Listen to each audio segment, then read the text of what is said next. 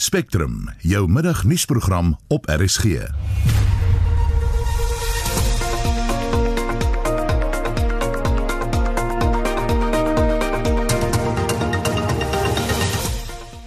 die program die EFF spreek om skerpheid teen geweld teen vroue en kinders by die begrafnis van die 28-jarige Tsegofatso Pule. The police are here in numbers.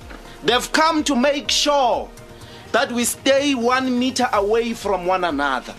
But where were they? Where were they when Tejo needed them the most?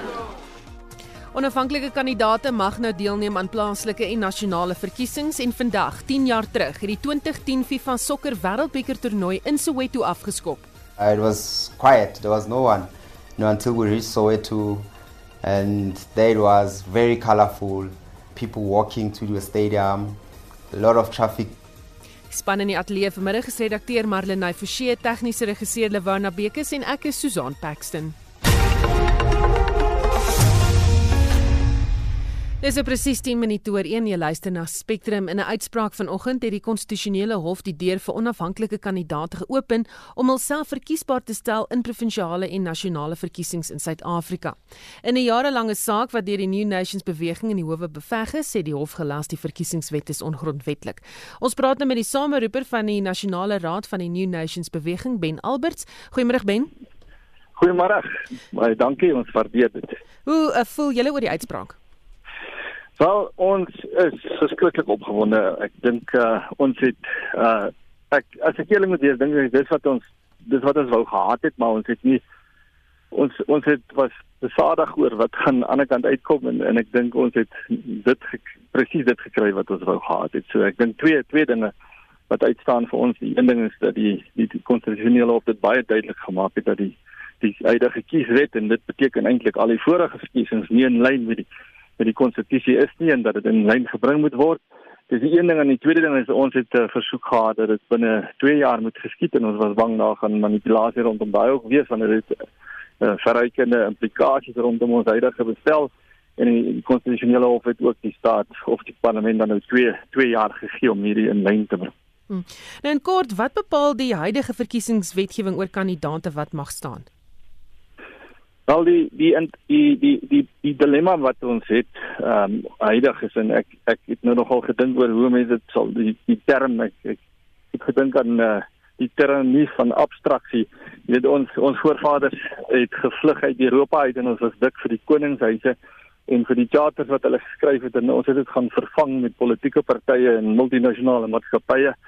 So die dilemma wat ontstaan het met hoe die die die die kieswet huidig is is dat jy kon e- effektiewelik nie jou stem uitbring as op 'n ander manier as deur 'n uh, agentskap in hierdie geval dan 'n politieke party. En die groot probleem in ons politieke partytelsel of ons die kieswet is dat ons geslote lyste gehad het en dit is eintlik op die ou end gemaak dat ons dat die party dan nou namens al die mense besluit wie die verteenwoordigers gaan wees. Nou daai daai daar was dit dis waar die toksisiteit vandaan gekom het. Dis waar state capture vandaan gekom het. Dit dit dit het eenvoudig dit onmoontlik gemaak om daai goeders om te gooi. So ons het van die begin af met hierdie proses en dit was 'n baie lang 3 jaar proses, maar dit kom baie jare terug. Het ons besef maar eh, jy weet om regtig verandering te bring, gaan die kieswet moet verander en en uiteindelik het ons besef maar dit gaan net deur die konstitusionele hof kan gebeur juis omdat ons nou so gestel is deesdae op die onafhanklikheid van die van die regsbank en dan parlement en die hele proses moes ons nou deur hierdie lang proses gaan uh, so ja En 'n nuwe kies kieswet moet nou geformuleer word vir die 2024 verkiesing. Wat is die proses wat nou gevolg moet word? Ja, wel dit dit dit gaan nou met parlement toe gaan. Nou uiteindelik gaan die proses uh, ek dink ehm uh, herhaal word wat ons re wat reeds in plek was in 2003 en 2004 en dis die dis die ongelukkigheid van hierdie dinge. Daar's daar's uh, die die intensie van die aanvanklike kieswet was vir die eerste twee verkiesings gewees en daarom was daar 'n taakspan aangestel onder leiding van Dr. van Sail Slabbert en hulle het in 2003 en 2004 'n voorlegging gedoen oor hoe die kieswet moet lyk en dat dit dan nou 'n saamgestelde uh, kieswet sou sou word wat dan nou op op proporsionele verteenwoordiging en dan nou op op kiesafdelings gebaseer sou wees wat die wat die verantwoordbaarheidsgedeelte inbring wat ons so gemis het die laaste ruk. Nou daardie uh, daardie die, die manipulasie rondom uh, Dr. Philip van Slapper daardie kommissie van hom en is interessant as jy in sy boek gaan lees dan sal jy jou verduidelik dit was een van sy grootste teleurstellings in sy lewe daardie daardie goed is nooit geïmplementeer nie en is gemanipuleer want dit was nie in belang van die politieke partye op daai stadium nie net die ANC nie maar ook die ander vir hierdie goedes om te geïmplementeer te word. Uiteindelik wat ons dink ons gaan sien is eh, die aanbeveling in sy verslag was dat 75% van die mense in die parlement met ander woorde 300 dan uit 'n uh, van uit 'n uh, onafhanklike kandidaat omgewing sou kom en net 25% dan proporsioneel. Ons die die die die punt is daai proses moet nou plaasvind. Dit gaan toe dis daar's 2 jaar daarvoor en dit gaan met konsultasie wees en, en ons nooi die mense van Suid-Afrika uit om om asseblief te kom deelneem want ons moet saam hierdie hierdie proses nou skryf ons moet saam besluit oor hoe hoe ons mense wil in parlement kry en hoe besluitneming moet gebeur daar Hoekom is dit vir julle belangrik dat onafhanklike kandidaate in provinsiale verkiesings ook mag staan? Wel ek dink ek dink wat ons gesien het in terme van hoe goed skeef geloop het in Suid-Afrika en dan was een van die groot probleme was juis dat dit nie net die die die capture nie net gebeur het op nasionale vlak nie maar dan op provinsie vlak het dit het dit regtig het dit daarvan af gestalte gekry. Dit so die die hele proses, die hele politieke proses van van plaaslike vlak af dan na nasionale na provinsiale en dan na nasionale vlak toe is belangrik dat ons in op al daai vlakke vlakke dit moontlik is vir mense wat nie noodwendig gevang word deur 'n party ideologie nie want ons moet verstaan die dilemma is dat die partye word gewoonlik baie sterk ideologies gedryf en dan beland ons in hierdie tyd in hierdie totale en as jy nou aan Amerika kyk, tussen die twee ideologieë en op die ouend kry ons net nie traksie op die grond. Baie dankie, dit was die sameroeper van die Nasionale Raad van die New Nations Beweging Ben Alberts. Ons bly by die storie en praat nou met die politieke ontleder verbond aan die Noordwes Universiteit se besigheidskool professor Andrei Dievenage. Goeiemôre Andrei. Middag Susan. Wat dink jy van die uitspraak? Wel Susan, ek wil begin en ek eh, stem saam met Ben. Ek verskil ook op 'n paar punte, maar die debat oor die kiesstelsel kom nou al oor 'n lang tyd. En ons het self studies hier by die Noordwes Universiteit oor die kiesstelsel gedoen en ons bevinding was dat die proporsionele lysstelsel, die een wat ons huidig het vir nasionaal en provinsiaal, is een van die beter stelsels. Dit is inderdaad so dat hy tekortkominge het en Ben het dit ook genoem daar dit gaan oor die sentralisasie van die party 'n gebrek aan verantwoordbaarheid en so meer. Maar dis vir my baie duidelik dat die uitspraak wat nou kom verrykend is vir nie net politieke partye wat nou nie meer onaantastbaar is nie maar dat die kiesstelsel volledig gewysig moet word. Dit gaan verrykende implikasies hê vir die bestuur en die administrasie van verkiesings en dis duidelik dat ons met die kieswet terug is na die tekenbord. En ons moet net altyd onthou in terme van al die beskikbare opsies oor kiesstelsels is daar nêrenster 'n perfekte een nie. En ek gaan net een risiko identifiseer. As ons uitbeweeg uit die proporsionele lysstelsel en jy beweeg na die ander ekstreem toe van jou sogenaamde enkel lid kiesafdelings, dan het ons studies gewys dat dit kan beteken dat die ANC met afbakening van kiesafdelings tot soveel as 80% van die steun kan kry. So hier moet 'n baie diep gesprek plaasvind. Hier moet opsies op tafel kom en ek is nie oortuig op die oomblik dat die groter strategiese politieke omgewing waarin ons ons bevind, polities, ekonomies en sosiaal en ek wil nie daarop volledig ingaan nie, die regte tyd is om nou te peter met kiesstelsels nie. Dit bring ten minste 'n stukkie stabiliteit. En as ons daaraan gaan Pieter in 'n relatief onstabiele omgewing, kan dit groot risiko's inhou vir die stabiliteit van die stelsel. So hier's 'n klomp goed wat ons hier in berekening moet bring. Dink jy dit gaan die politieke speelveld drasties verander? Ek het geen twyfel dit gaan die politieke speelveld baie drasties verander. Dis interessant hoe die ANC reeds eintlik voorbereidings tref hiervoor en ek kan 'n paar dinge noem wat via die ANC se nasionale werkskomitee besluit is. En die eerste is om alle verkiesings gelyk te laat verloop. Dit wil sê nasionaal provinsiaal en plaaslik moet gekombineer word. En dit bring natuurlik die vraag op gaan ons in volgende jaar dan 'n plaaslike regeringsverkiesing hê want ons weet die ANC is onder druk plaaslike regering is in krisis so hier kom vir my bepaalde rooi ligte op tweedens het die ANC gesê direkte verteenwoordiging van die kieserskorps ek dink dit is belangrik maar dit kan ook weer elemente van populisme in die stelsel inbring en derdens praat hulle van alternatiewe verkiesings uh, metodes of stemprosesse en hier word gekyk na elektroniese prosesse. Nou ons moet net onthou dat die terrein wat ons nou ingaan is baie ongekarteerd. Ons soek stabiliteit, nie onstabiliteit nie. En demokraties gesproke is eh, 'n uh, kiesstelsel die meganisme waarmee jy die magspel in politiek reguleer en bestuur. En ek het geen twyfel dat as jy daar gaan verander, gaan dit ander uitkomste bring, gaan dit ander dinamikas veroorsaak. En daarom bepleit ek 'n baie versigtige, 'n baie deeglike en 'n akademies begronde benadering tot die wysiging van 'n kiesstelsel indien wel. Hm. Wat sou hierdie besluit beteken vir iemand soos Musi Maimani? Wel, dit sou in kort beteken dat hy hom as 'n individu verkiesbaar sou kon stel en laat hy die kieserskorps kon laat kies byvoorbeeld tussen sy kandidatuur teenoor dit van politieke partye.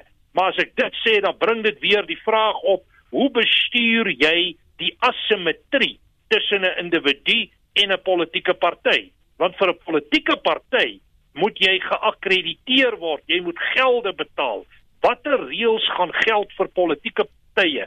Hoe gaan kampanjes gehardloop word en bestuur word rondom individue versus politieke partye? Gaan dit moontlik wees vir ander groeperinge wat nie direkte politieke partye is nie om dan ook deel te neem aan hierdie prosesse? Op die oomblik is hier letterlik vir my meer vrae as antwoorde en soos ek vroeër genoem het, ons soek struktuur, ons soek duidelike antwoorde, ons soek by verkiesings dat partye en belangegroepe kan inkoop in terme van die uitkoms hiervan en ek lees 'n aantal risiko's hier.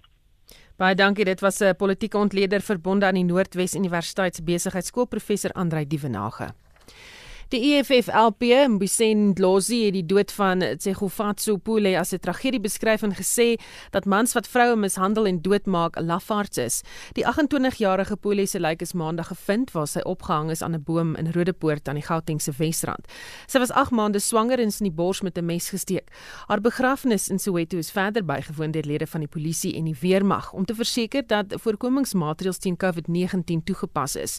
Volgens Ndlozi moet die gemeenskap egter toegelaat word om haar fa familie in die moeilike tyd te ondersteun. I don't know but this is not a this is not an ordinary death. The family should not have to mourn alone.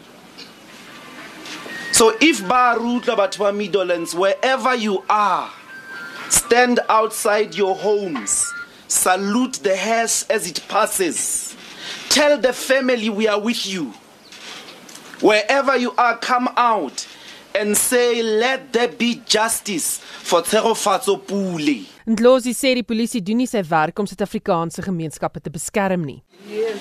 Let there be justice. The police are here in numbers. They've come to make sure that we stay 1 meter away from one another. But where were they? Where were they when Tejo needed them the most? They are here with their guns. The military is here. There are many, there's more than 50 of them. Hy sê dit wil voorkom asof mans oorlog verklaar het teen vroue in die land. Mama was kneeling here, Mamkhulu, asking a very important question. What have women done in this country? What have our mothers, what have our sisters, what have our daughters done to men? Men in South Africa have declared a war against women. She was kneeling here Nou dit was die EFF LP in Boseni en Dlozi. Ons praat nou verder oor die kwessie met professor Amanda Gous, politieke ontleder van die Universiteit Stellenbosch. Goeiemôre Amanda. Goeiemiddag, Susan. Jy het nou geluister na wat die EFF gesê het, uh, is dit wat mense vanoggend moes hoor na nog 'n griemoord op 'n vrou en haar kind? Wel, ek dink ons behoort te hoor oor spesifiek hoe erg die situasie is, maar dis nie die eerste keer wat ons dit hoor het nie. Elke keer as daar 'n uh, 'n voorval is van 'n vrou wat doodgemaak word en hoe meer brutaal dit is, uh en hoe hoe groter die uh woede van die die bevolking is, hoor ons weer eens hierdie boodskap, maar die die punt is die boodskap word herhaal en herhaal en die probleem word nie opgeslaan nie. Dit kom voor asof Suid-Afrikaners nie dink dat die geweld teen vroue en kinders so 'n groot probleem is nie. Hoekom dink jy is dit? Dan ek dink jy weet dit dit is 'n onderskeid wat ons moet tref tussen mans en vroue. Vroue dink ek dink dat dit is baie erg en ons het dit gesien met die moord op Uyinene Mtwana uh die student wat in die poskantoor doodgemaak is. Laas jaar toe daar 5000 mense voor die hekke van die parlement was en waar daar ook protes reg oor die land was. Um en daar is mans wat in solidariteit met vrouens ook voor die parlement gestaan het. Die die probleem is dat mans moet met mans praat. Dit dit help nie dat dit gesien word as vrouens se probleem nie. En ek dink dit is die die die verskil tussen mans en vrouens. Vrouens staan aan die ontvangkant van die geweld. Ehm um, en daar's baie mans wat nie gewelddadig is nie. Maar wat doen hulle om met ander mans te praat wat wel gewelddadig is? En ek dink dit is deel van die probleem. En dink jy dat mense hulle self verwyder van die situasie? Met ander woorde dalk wegskram van dit dis dalk te sensitief. Uh, moet ons name begin noem? Gesigte by die name sit aanhoudend oor en oor. Wel Ek weet ek dink die die die feit is dat hierdie name en gesigte verskyn in die koerant maar daar's baie mense wat wat dink dit is nie hulle probleem nie nê? Nee, as jy nie iemand ken wat vermoor is of wat aangerand word nie dan is dit nie jou probleem nie. En en dit is ook deel van die probleem is dat ons altyd dink dit gebeur met iemand anders en dit gebeur nie met ons nie. Ek het 'n paar jaar gelede 'n koerantartikel geskryf waar ek gesê het as ons vir elke vrou wat vermoor word in hierdie land, wat verkragt en vermoor word, 'n paar skoene in Groenpunt stadion sit in Kaapstad, dan sal daai stadion nie groot genoeg wees nie. Nou nou dit is die probleem is dat die die statistiek is absoluut oorweldigend. Ehm um, en ons is wat ons kan noem 'n rape prone society met ander woorde waar verkrachting ehm um, aan die orde van die dag is dit is genormaliseer. Ehm um, en en wat ons sien is dat dit nie net verkrachting alleenlik nie verkrachting nou gaan gepaard met uh intimate femicide wat beteken dat die die slagoffer word ook doodgemaak. Ehm um, en en dit is soos 'n oorlog op vrouens, nê? Maar die probleem is dit gebeur baie keer in die privaatheid van ons huise. Dit gebeur in plekke waar daar geen uh uh getuie getuie getuies by betrokke is nie. En dit met ander woorde maak dit ook baie moeiliker vir die polisie om dit te polisieer. Jy weet ek hoor die EFF sê die polisie faal ons. Ehm um, die polisie faal in die gevalle waar hulle byvoorbeeld nie ehm um, interdikte afdwing nie en wat dit nie polisieer nie. Maar die die groter mislukking vir my lê in die feit dat die ehm um, die, howe en die hofsaake wat in howe voorkom waar daar baie net in 7% van alle sake wat verhoor word is daar ehm, 'n um, skuldig bevinding. So met ander woorde dit is ook baie moeiliker uh in in die uh, gebrek van getuies om om wat word getuig ehm um, en en laas wat wegraak en die die feit dat daar so 'n lae skuldig bevindingssyfer is dink ek is hoogs problematies. En daarmee sê ek nie dat ehm um, die die regstelsel die enigste oplossing is nie. Jy weet die ANC vrou liga het hierdie uh beleid dat dit uh, rapers should rot in jail. Nou nou dit is nie die oplossing nie want die die dit beteken dat ons eers die probleem aanspreek nadat iemand dood is, nadat iemand verkrag is. Ons moet ook voorkomend te werk gaan en en om dit te doen moet daar op groot skaal mense se se houdings teenoor geweld moet verander. Uh man se um entitlement, die feit dat hulle dink hulle is geregtig op op seks wanneer hulle dit wil hê, uh die feit dat hulle dink vrouens is hulle um hulle eiendom. Jy weet daai houding sal moet verander. Het die feit die die uh, onlangse geval waar die 8 ma uh, maande swanger vrou in 'n boom opgehang is. Dit was die die ex ehm um, Karel wat daar wat daar vermoor het. As hy aan die kort kry nie, dan kan niemand daar kry nie. So ons ons is 'n geweldige en dit is nou nie 'n panie maar 'n gewelddadige samelewing um wat waar waar geweld teen vroue genormaliseer is. En dit is iets wat ons sal moet aanspreek, die normalisering van die geweld. Baie dankie. Dit was professor Amanda Gous, politieke ontleder eh, aan die Universiteit Stellenbosch. Jy luister na Spectrum elke weekmiddag tussen 1 en 2. As jy pas by ons ingeskakel het, die polisie word gekritiseer dat hy nie die veiligheid van vroue en kinders prioritiseer nie. The police are here in numbers. They've come to make sure that we stay one meter away from one another. But where were they? Where were they when Tejo needed them the most? En nie alle kenners is opgewonde oor die konstitusionele hof se uitspraak dat onafhanklike kandidaate kan deelneem aan verkiesings nie. Demokraties gesproke is 'n uh, kiesstelsel die meganisme waarmee jy die magspel in politiek reguleer en ek het geen twyfel dat as jy daar gaan verander, gaan dit ander uitkomste bring, gaan dit ander dinamikas veroorsaak. Later in die program hoor ons waar dit oral sneeu in die departement van omgewingsake kondig aan dat daar 4 nuwe reservate in die Inselberge in die Noord-Kaap sal wees. Bly ingeskakel. Dis 1332 jy luister na Spectrum Ekonomiese Nuus. Die rand het Woensdag in New York op R16.63 teenoor die dollar gesluit, dit nadat die Federale Reserve of Raad eerder aangedui het dat hy nie rentekoerse in die FSA sal verhoog voor 2022 nie. Ons praat oor die en ander ekonomiese sake met Dr. Chris Harmse, ekonom van Rebalance Fondsbestuurders. Goeiemôre Chris. Môre Jean. Môre luisteraars. Waar trek die rand tans? Susanna is daarso ehm uh, so 17 ag 16 rand en 70 verhandel hy rond. So uh, hy hy, hy bly eintlik volgens my baie stabiel op op op sterker vlakke.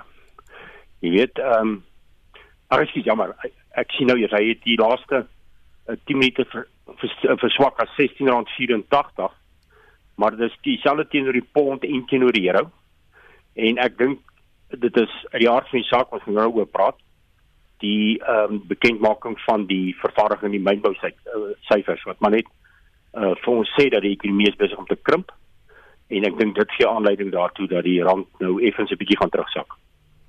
So gepraat daarvan, hoekom het die rand so ewig reageer op die aankondiging deur die Fed? Goed, die uh, die aankondiging sê vir ons dat Amerika gaan nie eintlik verder in die rentekoers hulle ekonomie stimuleer nie. Uh so hulle gaan hom baie laag hou en dit beteken gewoonlik dan dat die dollar verstewig.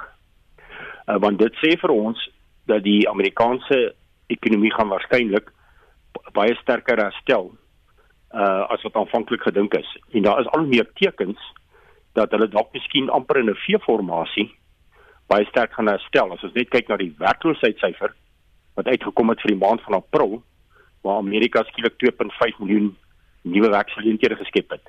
So die re reserveraad sê kom ons hou hierdie ekonomie gestimuleer vir 'n baie lang tyd. Ons inflasiekoers is baie laag en dit gee gewoonlik aanleiding, jy weet dat die pond dan uh ag skiet die dollar uh dan verstewig en gewoonlik dan gaan opkomende lande soos Suid-Afrika natuurlik se geldeenheid onder lê. Ons moet net vir mekaar sê dat die rand is eintlik baie sterker uh op die laaste week of wat as wat dit uh die die vorige tyd sedert die 28 Maart die uh, Grenel Grenelstaat was. Dan is mynbouvervaardigingssyfers vir April ook bekend gemaak, soos jy genoem het, hoe het dit vertoon? Uh min of meer soos verwag. Uh die verwagting was dat uh, ons moet 18% sou daal uh in die op jaar op jaar syfer. Dit kan ek net sê dit was die natuurlik die verwagting gewees dat ehm um, dit met mynbou sou gebeur. Hy het toe op die ou end ehm um, op op die uh, jaar op jaar syfer hier in die omgewing van 47% gedaal. En ek dink dis een rede hoekom die rand nou verswak. Met ander woorde is 2 en 'n half keer meer as wat verwag het. So hierdie is 'n baie sterk terugsinking uh in Maart in vergelyking met uh ekskuus, nie Maart nie, April uh met die vorige jaar. Ons moet net onthou April was die eerste maand van die Grendelstaat.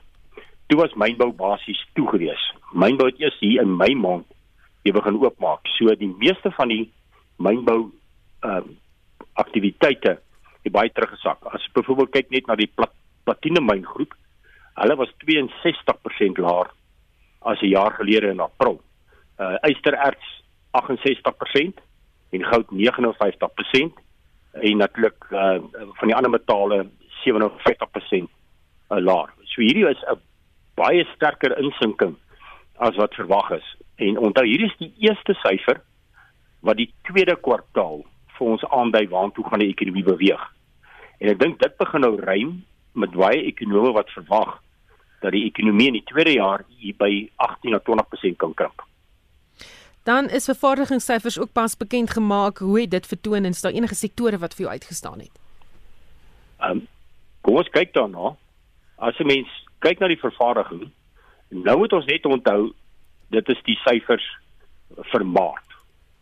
Onthou toe as ons eintlik nou nog nie in die staat van van Grendel van Grendel gewees het. So met ander woorde Maart was vervaardigingsaktiwiteite nog feitelik aan die gang en vervaardigingsproduksie het afgeneem met 5.4% in Maart teenoor die die 2019 syfer. Nou die groot rede is daar was die basiese yster en staal wat met 8.5% gedaal het. Uh ons sou ons weet dat van die vervaardigings uh sektor het reeds begin toemaak veral op die uitvoere kant uh, as gevolg van uh, hawens hier in China uh, wat op daai stadium al reeds toe was. Pretoria en die chemiese produkte het met 5.8% gedaal. En dan natuurlik motorvoertuie. Ons weet motorvoertuie Ek vir my as dit om uh, daar verloor die lyn wat skielik daar geval het. Ons gaan kyk of ons hom 'n uh, bietjie later weer kan terugkry. Dit was die ekonom van Rebalance Fondsbestuurders Dr. Chris Harmse wat oor ekonomiese sake gepraat het wat effe swak vertoon as gevolg van die krimpende ekonomie. Streekskantore van die werkloosheidsversekeringsfonds is heropen. Desperate pogings om die geldnote te verlig het aanvanklik daartoe gelei dat mense daagliks in lang rye van tot soveel as 200 mense by sommige kantore staan. En vir meer hieroor praat ons nou met die bestuurshoof van die werkgewersorganisasie Nihasa Gerard Papenfoos, maar klink ook vir my of daardie lyn nie werk nie. En ons gaan eers gou sportnuus toe hier Shaun Jooste wat gaan kyk wat op die sportveld gebeur. Golfnuus. Die PGA Tour word binnekort vir die eerste keer sedert die toer in Maart weens die koronaviruspandemie opgeskort was hervat.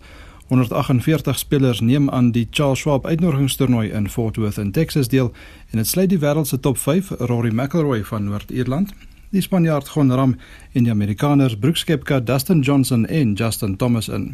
Die Suid-Afrikaners wat in aksie sal wees is Louis Oosthuizen, Erik van Rooyen, Christian Besaidnout, Brandon Grace, Dylan Fratelli en David Frost. Grace is die eerste Suid-Afrikaner om af te slaan en dit is so 12 minute oor 2. Die toer sal vereers agter geslote deure plaasvind. Rugby. Nieu-Seeland se plaaslike Super Rugby kompetisie begin Saterdag wanneer die Highlanders en Chiefs mekaar in Dunedin die stryd aan sê. Die Highlanders word deur die hakker Ash Dixon en die Chiefs deur die skrimskakel Brad Weber gelei. Die kragmeting skop die oggend 5 oor 9 Suid-Afrikaanse tyd af. Sondag is dit die Blues teen die Hurricanes in Auckland. En laastens in sokkernuus herinner ons graag dat die Spaanse La Liga vanaand 10uur met die derby tussen Sevilla en Real Betis begin. Shaun Jooste met die sportnuus. Hy lyk vir my die telefoonlyn het weer gestabiliseer en ons praat met die bestuurshoof van die werkgewersorganisasie Niasa Gerard Papenfoos en dit gaan oor die streekskantore van die werkloosheidsversekeringsfonds fonds wat heropen is. Goeiemôre Gerard. Hallo Susan, gaan dit goed? Met my gaan dit goed, maar verskeie probleme is ondervind met die uitbetaling van werkloosheidsversekering sedert die aanvang uh, van die inperkingstydperk. Hoe lyk die situasie nou? Die uh die uh die verligtingfonds vir werkgewers wat moes sluit wat natuurlik die meeste werkgewers is uh ons uh, ons hou uh, weekliks uh, uh opnames en uh, ons inligting is dat ten opsigte van die werkgewers se eise vir die betaling aan hulle werkers vir April uh dit nou staan op 78%. Met ander woorde 78% van werkgewers het al hulle geld gekry vir April. Vir Mei is dit op uh, 21%. So ehm um, daar's nog daar's daar's baie werk wat gedoen word en 'n uh, paar werkgewers aanvanklik die geld kon voorskiet uh dink ek nie hulle kan dit meer doen nie. So uh wat wat wat my maand se salaris aan betref beteken dit dat 79% van werkers het geen geld gekry sover nie. Hmm. Wanneer iemand 'n aansoek doen of indien, wat is die belangrikste ding om op te fokus? Wel, jy, jy moet jy moet verstaan dat uh, as as daar rye is by die werkloosheidsversekeringsfonds, dit ouens wat hulle werk verloor het. Dis nie ouens wat gaan geld kry van die verligtingfonds uh, van weet waar werkgewers kan eis omdat hulle 'n gedeelte van die van die werknemers se salaris kan eis omdat die werkgewer gesluit het. Daai daai geld eis die werkgewers. En en 'n werknemer kan dit ook eis, maar hy moet dit online doen. So die rye wat hulle sien is nie uh is nie werkers wat meer in diens is nie en wat net die, sogenaamde TERS uh temporary employer employee scheme. Uh dis nie daai geld nie. Dit is ouens wat hulle werk verloor het wat die werkgewer nie meer vir hom werk het nie. Dit is hulle. So daarmee hulle gaan en gaan sit en hulle moet 'n uh, vorm voltooi. Dit kan nie online gedoen word nie. Daar gaan staan nie in die ry. So die ouens wat die lang rye Dis mense wat hulle werk verloor het, besighede wat toegemaak het. Wat voorspel hierdie vir die toekoms? Weet jy eh uh, Susan, ehm um, daar's baie bespiegelinge, maar ek bedoel ek het na die ou geluister eh uh, wat net voor my gepraat het, nie sy naam gehoor nie, eh uh, wat sê kan wees dat die ekonomie met 20% krimp. As die ekonomie met 20% krimp, dan gaan die werkloosheid uh, syfer met 20% styg ongeveer. En ons praat van 'n uh, werkloosheid syfer wat gestaan het, die nie amptelike syfer op 35%. Dit praat van dan praat jy van 50 na 55% werkloosheid. Uh uh dit dis dis geweldig hoog. Uh my ons inligting wat ons het is waarskynlik meer uh, uh beter in die sin dat ons dink dit kan so by 12% wees, maar 12 by 35 is 47, so ons praat van 'n paar persent verskil. Dit is geweldig, jy weet, um, uh uh ons kon lewens gespaar het met uh, met met die lockdown maar ek sê vir jou sê mense mense ly honger. Dit is dit is die die realiteit op die grond is dat mense honger ly. En die staat kan nooit uh geen geen geen staat kan kan vervang wat 'n werk uh wat wat 'n werker werknemer weet nie. Uh, geen geen fonds geen sosiale hulpfonds kan vervang wat 'n werkgewer betaal al betaal 'n werkgewer 'n baie geringe loon. Uh selfs uh wat ouens sê dis 'n nie lewensvatbare loon. Selfs dit is beter as om van die staat afhanklik te wees. En ons het nou gesien 'n kospakkie red niemand se lewe. Uh dis 'n kon, konstante inkom al is dit inkomste al is dit 'n geringe loon. So weet jy um die die ekonomie moet gestimuleer word, die private sektor se hande moet losgemaak word, die die die rassistiese ondertone wat wat versprei word moet gestop word want dit gaan as alles wat hier skeefloop loop uit op die benadeling van mense, werkers en hulle gesinne en op hierdie stadium gaan dit verskriklik swaar op plekke. So ehm um, en en jy weet as as mense desperaat uh, desperaat word dan lei dit tot sosiale onrus. Uh so ek ek eh, ek hoop die regering maak wyse besluite in hierdie tyd en speel nie politiek uh met hierdie krisis wat ons het nie want dit dit dit kan nie mooi uitloop nie. En dit was die bestuurshoof van die werkgewersorganisasie NIASA Gerard Papenfoes. Die departement van omgewingsake het pas aangekondig dat daar vier nuwe reservate in die Inselberge gebied in die Noord-Kaap sal wees. Die gebiede is onlangs deur UNESCO beskryf as 'n gebied met die mees diverse plantegroei ter wêreld. Die gebied word egter bedreig deur mynbou en plantstropery. Die vier reservate genaamd Arep, Karras, Maritjie van Niekerk en Smorgenskadi is aan grensend van mekaar en vorm saam die Karrasberge beskermde gebied. Ben John Dreyer van die Wilderness Foundation Africa het tesame met die WWF en ander rolspelers het die inisiatief gedryf. Onlangs 'n maart maand het, het ons die nuus gekry van Departement Omgewingsake Noord-Kaap dat dat ons sit met vier splinte nuwe natuurreservate. Daar's aan die aan die ooste van Springbok. Ja, so baie besonderse area wat plante en en biodiversiteit aanbetref. So ja, dit is is vier nuwe natuurreservate wat ja vir vir ons nageslag altyd beskerm sal bly. So ja, ons is baie opgewonde oor dit. Vertel my presies waar is dit geleë en, en hoekom is dit so spesiaal? Die area is in eintlik in die Boesmanland gedeelte van Namakoland geleë. So dit is so ja, so 'n uur wat se ry oos van Springbok en die area is die die groter gebied is die noem hulle die Karasberge gebied en dit bestaan uit vier natuurreservate nou. Dit is die Arab Natuurreservaat van Oom Frank en dan die Mariana Aggenbach en dan is dit ook Oom Jan en Tannie Ronel um, Kennedy van Smorgenskade Natuurreservaat en dan uh, die Maritjie van Niekerk Natuurreservaat van Oom Waig en Tannie Maritjie van die kerk en dan Pieter Mariska van die kerk van die Karas gedeelte van die beskermde gebied. Is daar soos kultuurhistoriese geskiedenis, as ek dit so kan stel, wat dalk nou bewaar word deur hierdie reservate wat aangekondig is? Daar is uh, elemente van die, die Anglo-Boereoorlog um, in daardie area, maar wat regtig uniek is, is die is die is die vetplante wat wat daar voorkom. Daar is plantjies daar wat wat nêrens anders in die wêreld voorkom nie. Ons kyk dink dink aan die conophytums en die ligopgenisse wat wat daarso voorkom. So hierdie ekologiese aspekte maak die gebied regtig besonder. En boop dit hierdie veldtipes, um, daar is drie veldtipes wat daar voorkom. Dit is die Boesmanland Inselberg struikveld, die Aggeneysgrys vygieveld en daai twee plantegroeitipes was nog nooit van tevore of op enige ander plek beskerm sou wees voordat hierdie natuurreservaatverklaring deurgegaan het maar hierdie jaar. So um, ja, ons is ons is baie opgewonde om dit te sê. Hoe bedreig is van hierdie plante waarvan jy nou gepraat het in hierdie gebiede? Ons wil nie vreeslik vreeslik uitbrei oor die as gevolg van die onwettige planthandel wil ons nie regtig ehm um, presiese lokaliteite en en spesies praat nie, maar daar is soos ek genoem het, daar is hoë vlakke van endemisme wat maar eintlik beteken is plante wat net daar voorkom. So um, baie uniek, baie uniek. Hoe groot is die onwettige handel in plante tans?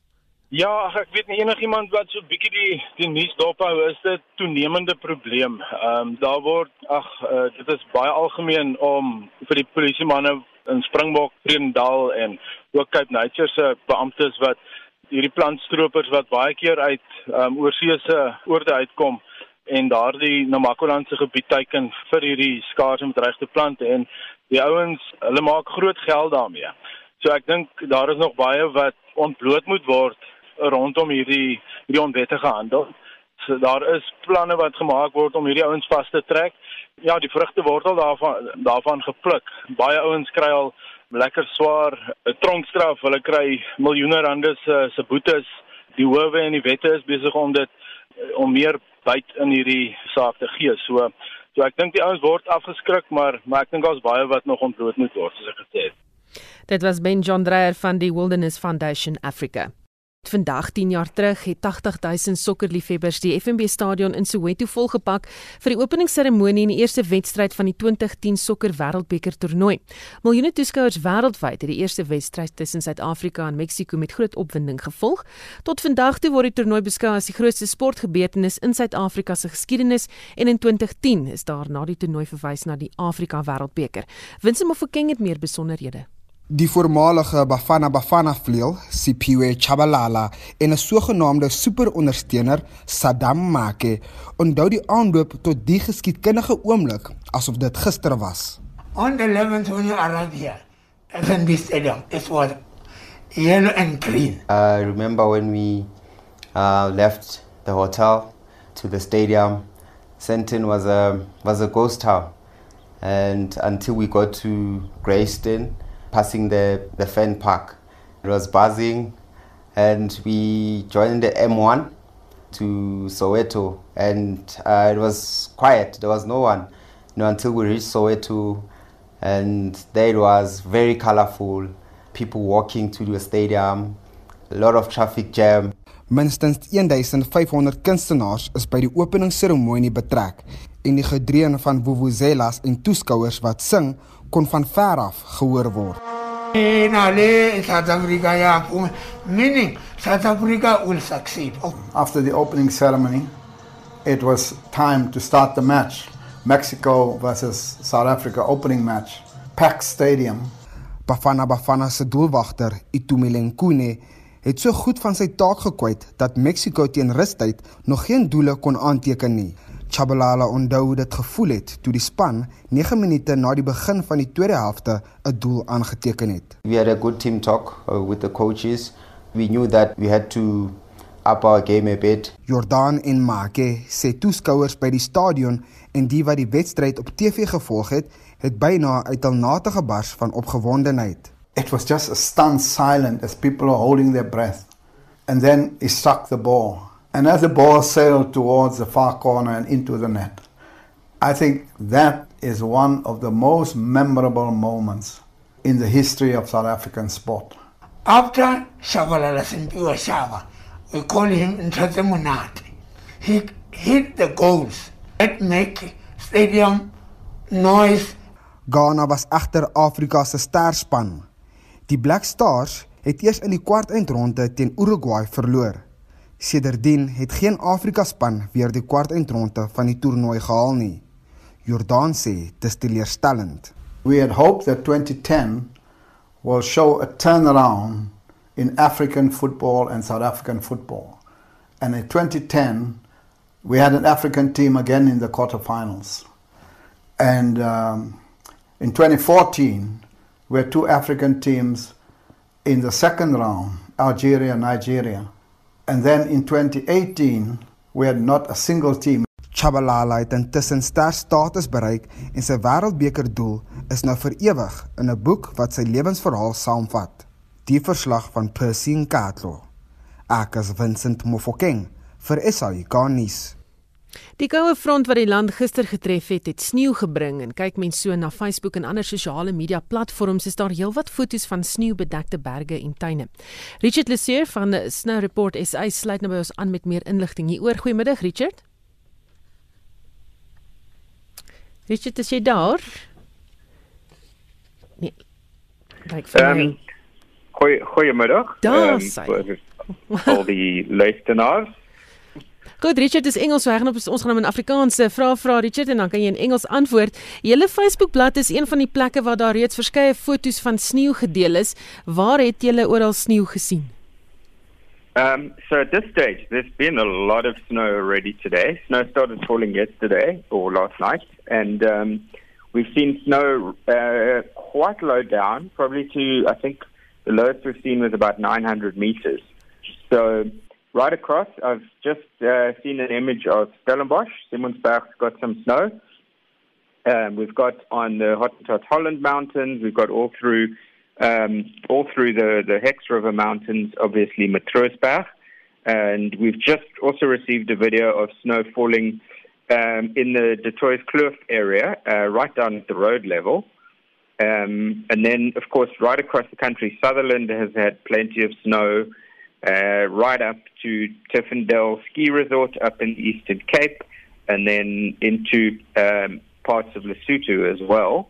And um, I think we also received um, some video of snow falling near Graaff-Reinet as well. So very, very much um, widely across South Africa, and more snow still expected. Kon jy al agterkom hoeveel dit op van hierdie plekke gesneeu het? Um Sorry, can you say that again? I, I missed that. how deep was the snowfall? Do you know how oh, much okay, it snowed? Sorry, yeah. I couldn't hear that properly. Um, uh, so we've seen uh, down at Matroosberg at the reception area.